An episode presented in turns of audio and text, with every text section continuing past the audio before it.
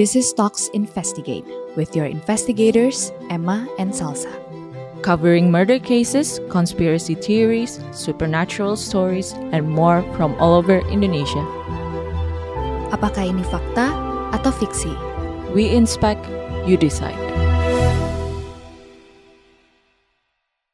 Episode 4 Death by Cyanide. Hi, welcome to Talks Investigate. Gue Salsa. Dan gue Emma. Episode kali ini is my jam. Karena kita akan dive into the world of true crime slash conspiracy theory. Nah, Seru ya? Seru, seru banget. I'm so excited. Oh.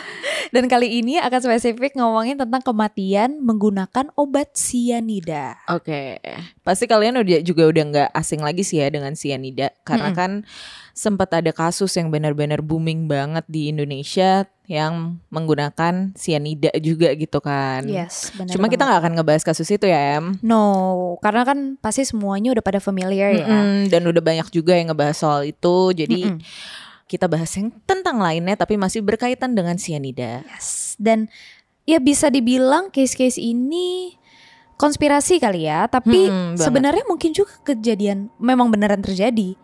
Tapi nanti kita bahas ya selanjutnya. Yes. Cuman kayaknya gue pengen kita untuk eh, mengerti dulu sianida tuh sebenarnya apa sih? Oke. Nah, apa itu sianida? Sianida itu mengacu pada bahan kimia yang mengandung ikatan karbon nitrogen atau CN.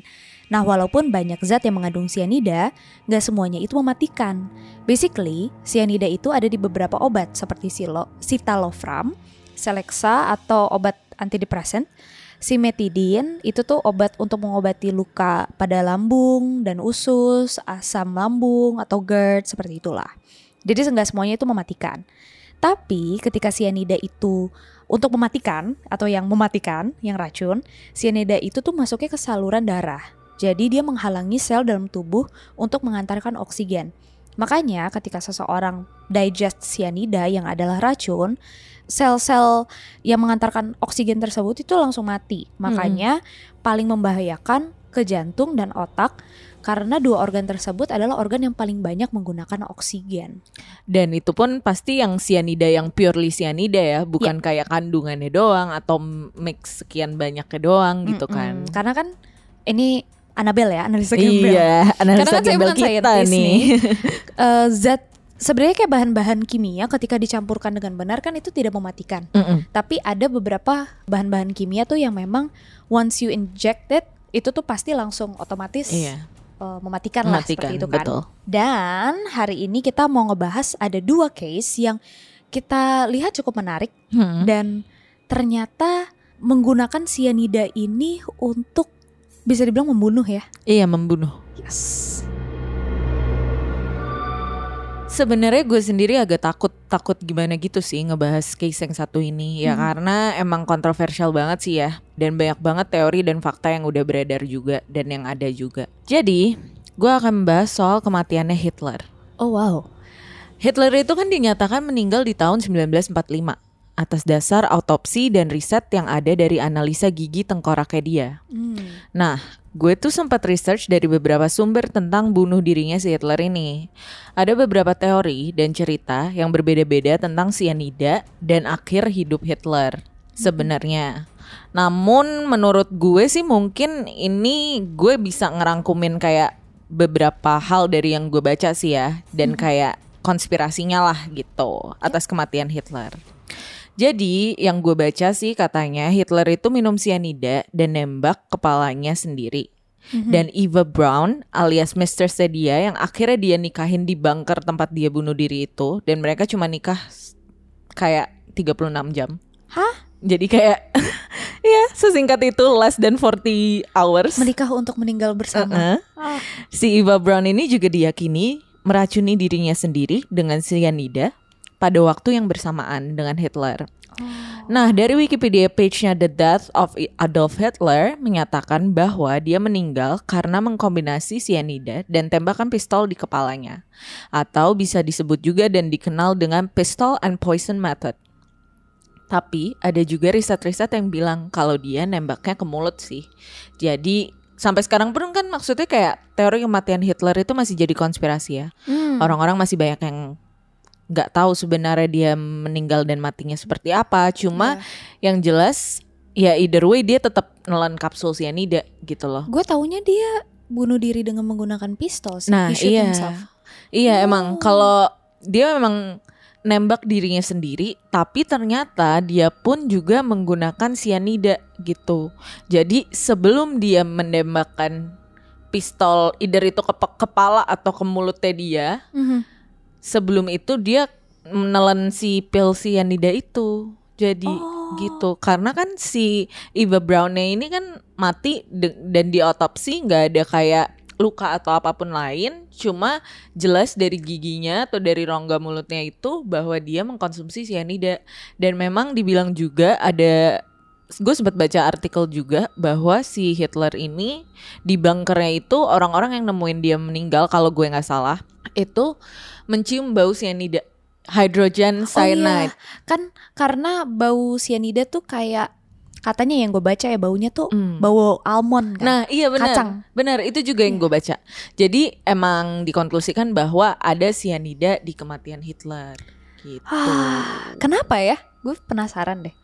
Kenapa kayak harus dia mengkonsumsi itu sih, cyanida? itu sih, itu gue juga penasaran. Ini menjadi pertanyaan gue juga karena kan maksudnya kayak eventually memang dia nembak mati gitu kan. Iya, dirinya. kenapa lo menembakkan diri lo sendiri tapi terus habis itu lo mengkonsumsi racun sebelumnya? Nah itu dia. Apa ada supaya karena tahu. dia biar nggak merasa Mungkin bisa jadi atau dia kayak ah ya udah gue mau bunuh diri juga, gue mau mati juga. Jadi kayak sekalian aja gue sikat nih cyanida gitu.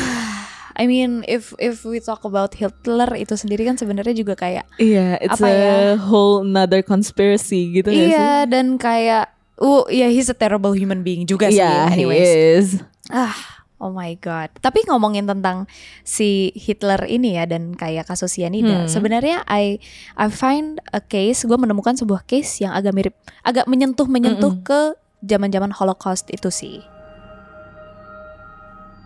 Tadi kan lo sempat nyebut hydrogen cyanide. Yes, Nah, betul. Mungkin uh, to explain again, hydrogen cyanide itu adalah liquid atau gas yang colorless. Jadi dia nggak ada warnanya. Tapi eh uh, nggak ada warnanya, tapi juga bisa warnanya tuh kayak biru muda gitu. Ketika Oh. itu, jadi ada dua, ada dua jenisnya kali ya. Hmm, hmm, hmm. Seperti itu ya. Nah, dia tuh odornya atau wanginya itu tuh agak-agak pahit, tapi ada kayak bau-bau almondnya. Makanya mungkin yang tadi lo Hmm. Yang- cerita iya. orang bisa menyium bau itu benar gitu benar kan. benar benar. Which is bahaya sih sebenarnya orang Iya yang sih. menyium itu. Anyways, jadi kalau kita ngomongin cyanida ya yang dipakai sebagai apa ya eh, alat untuk membunuh atau kayak membunuh diri, penggunaan cyanida eh, sebagai senjata atau sebagai weapon itu tuh sebenarnya udah ada itu udah zaman dulu banget sa yang Iya. gue temuin maksudnya kayak Hmm. all we know kan cyanida gue sih specifically kayak gue taunya pas kasusnya Mirna Sama, gue gue pun juga. Iya kan Iya, karena Seperti- kayak sebelum kasus itu gue kayak apaan sih? Gue nggak tahu. Uh-uh. Bahkan kayak pas pas kasus itu muncul pun kayak cyanida. Apa sih Gue kirain cyanida itu gitu loh. narkoba tau pas awal. Maksudnya kayak penyalahgunaan Iya narkoba aja gitu. Iya iya kan, kayak ya udah gitu. I didn't know kalau itu tuh ternyata kayak se Racun. eh, racun yang mematikan banget dan sangat bahaya. Nah, itu dipakai awalnya pada perang Prancis Prusia tahun 1870 sampai 1871 Mm-mm. di mana Napoleon III itu mendesak pasukannya untuk mencelupkan ujung bayonet mereka ke dalam racun. Hmm. Kayak gitu. Nah, Kaisar Romawi pun, Kaisar Romawi Nero itu di tahun 37 sampai 68 sebelum Masehi berarti itu. ya? Iya. Nah, itu juga menggunakan air pohon ceri yang mengandung sianida sebagai racun. Oh, berarti udah jadi udah dari lama banget Udah ya. dari zaman dulu tapi dipakainya tuh buat perang. Hmm. Kayak gitu. Nah, selama Perang Dunia Pertama, sianida katanya ini nih yang kon- eh, kontroversial banget Hmm. karena kayak gue menemukan beberapa artikel di mana ketika kayak World War One atau World War Two gitu, kalau nggak salah ya ini sianida itu tuh memang perjanjiannya tuh nggak mau dipakai karena maksudnya setelah dipikir-pikir curang nggak sih? Kayak cheating gitu ya. Cheating. Intinya kayak lo kalau pakai cyanida ya lo cheating lah. Ini udah kayak weapon yang kayak easy banget gitu Iya, buat dan itu ngebunuh instant musuh kill lo kan. gitu kan. Yes, Iya. it's instant kill. Maksudnya kayak kita ngeliat dari kasus Mirna kan dia langsung meninggal Iya. di tempat kayak gitu Mm-mm. kan. Nah, selama Perang Dunia Pertama, sianida itu digunakan oleh pasukan Prancis dan Austria. Dan katanya pasukan-pasukan Hitler itu juga menggunakan produk Oke, ini gue bacanya pelan-pelan dulu. Rodenticida Zyklon B. untuk membunuh jutaan orang selama Perang Dunia Kedua, termasuk peristiwa pembantaian Holocaust. Holocaust. Nah ini tuh yang sebenarnya kontroversial banget, Hmm. karena kayak gue menemukan artikel di mana katanya Holocaust itu tuh nggak pakai cyanide, tapi terus juga ada yang bilang pakai cyanide, Hmm. seperti itulah. Nah pada tahun 18 1980-an, which is nggak jauh-jauh dari inilah ya, orang tua kita sudah ada.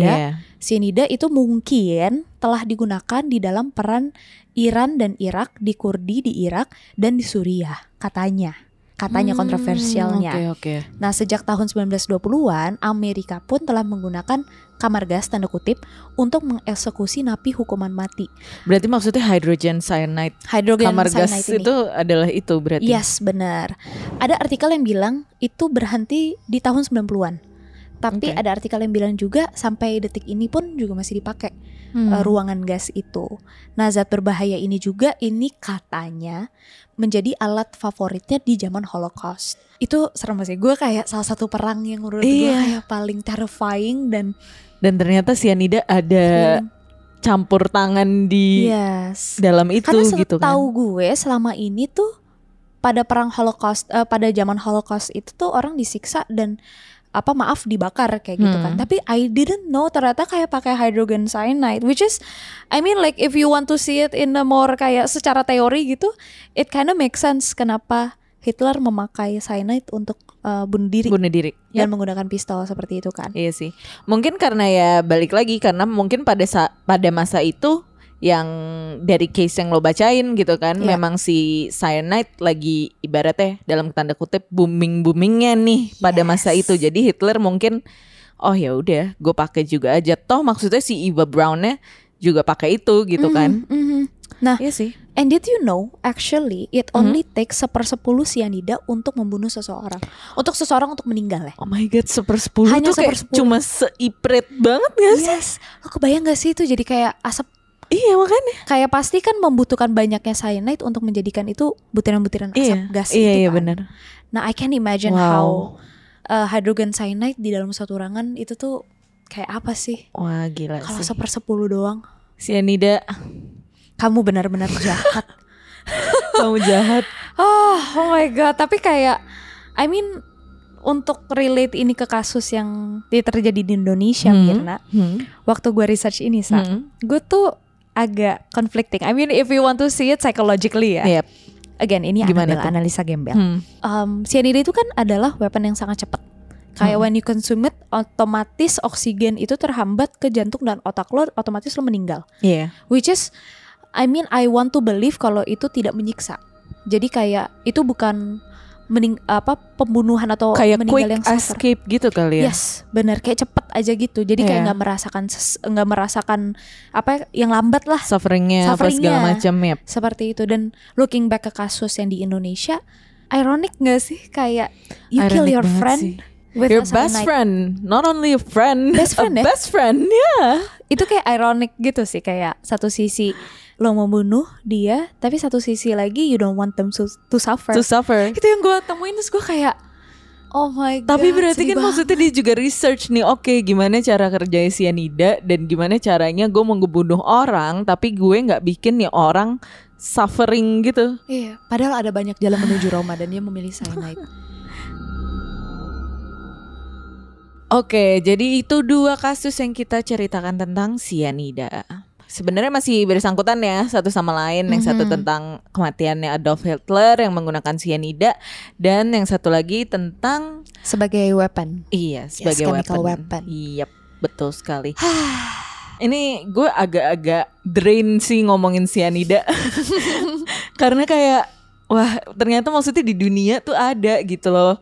Kayak satu satu chemical Mhm. seperti ini gitu kan maksudnya yang kayak orang bisa gue nggak tahu sih bisa dapetin secara gampang atau enggak tapi mungkin tidak ya cuma maksudnya ya ada case pembunuhan yang orang bisa dapetin cyanida dan untuk ngebunuh orang gitu kan berarti kan maksudnya it's something yang bener-bener mind blowing Iya. banget gitu kan Tapi emangnya gampang ya menemukan cyanida itu? nah itu gue juga nggak tahu Kayak cuma Bang beli cyanida ya satu Ya, Gimana cara belinya Cuma kan pasti gitu? kan ada ordal tuh di balik Iya, itu semua sih, gitu kan. sih. Ada orang dalam di balik itu semua gitu loh. Cuma balik lagi. Kalau sebelum kita ngomongin gampang atau tidaknya mendapatkan sianida, kayak asal mula sianida itu kan sebenarnya dari tanaman ternyata kan berdasarkan gitu. research kita kan. Nah, Dia specifically pura-pura nggak tahu. Iya. Oh gitu. Padahal kita berdua nih yang research. terus kayak specifically itu sebenarnya ada kayak dari racun singkong, terus ada dari tanaman-tanaman lain juga gitu lah. Cuma ya mungkin kalau orang yang nggak tahu gimana cara mendapatkan si cyanida itu ya nggak mungkin dapet lah gitu Iya, chemicalnya. Cuma sebenarnya cyanida pun bisa ditemuin lah di beberapa hal di sekitar kita juga gitu loh. Yang sebenarnya ada di sekitar kita Iya, ya, kayak betul. tanaman tadi. Dan Da- dia juga tuh sebenarnya tuh racun singkong bukan sih? Iya racun singkong juga gitu. Jadi gue nggak tahu gimana cara kerjanya. Cuma ya salah satunya itulah gitu. Iya, dan yang kita tahu kirain itu adalah weapon pembunuhan yang mungkin karena kita nggak familiar kali ya. Mm-mm. Yang pas dalam kasus Mirna ternyata kayak long before our time tuh dipakai untuk perang dan hal-hal keji lainnya lah. Iya betul. Iya betul. Sama aja kayak yang tadi kita bilang sih kita baru tahu cyanida case itu set- setelah kasus Mirna ada kan. Iya. Tapi ternyata sebelum itu jauh bahkan jauh sebelum kemerdekaan dan lain-lain Iya. itu tuh udah ada gitu loh. It's scary. Iya. Kayak itu apa ya? Ya dipikir-pikir juga kayak sedih juga sih. Itu itu sesuatu yang mungkin sebenarnya bisa menjadi hal yang baik kayak menjadi Mm-mm. obat. Mm-mm. Kayak gue punya asam lambung. Oh ternyata dalam Ada obat asam lambung kandungannya gue gitu kan. ada sianida berkat itu asam lambung gue bisa pulih. Bisa sembuh. Seperti itu kan. Oke, menurut kalian, jadi dari semua cerita yang kita udah ceritain tentang sianida dan semua yang udah kita bahas tentang sianida di episode ini, apakah sianida itu memang diciptakan sebagai senjata kimia atau memang sebagai salah satu kandungan obat yang kemudian disalahgunakan? Menurut kamu gimana sa? Kalau menurut aku, kayaknya awalnya tuh memang ada sianida ada karena waktu dulu ilmuwan-ilmuwan membuat obat gitu kan. Iya. Terus abis itu disalahgunain Mhm. karena orang-orang tahu kandungan sianida itu sangat powerful. Ya. Jadi ya pasti ada lah yang ngambil kesempatan di dalam kesempitan pada saat itu. Kalau Mhm. menurutku sih gitu. Kalau menurut kamu? Berat ya? Gue kayak iya.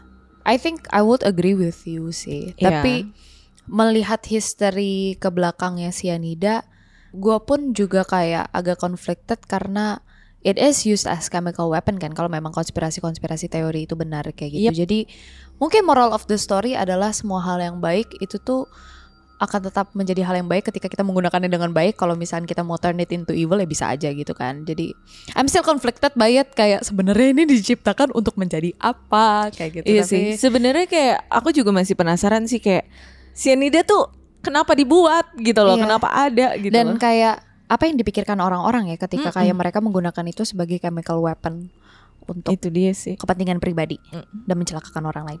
Anyways, uh, if you guys have thoughts about it, please let us know. Uh, komen di Instagram post kita tentang hari ini and keep safe. Bye.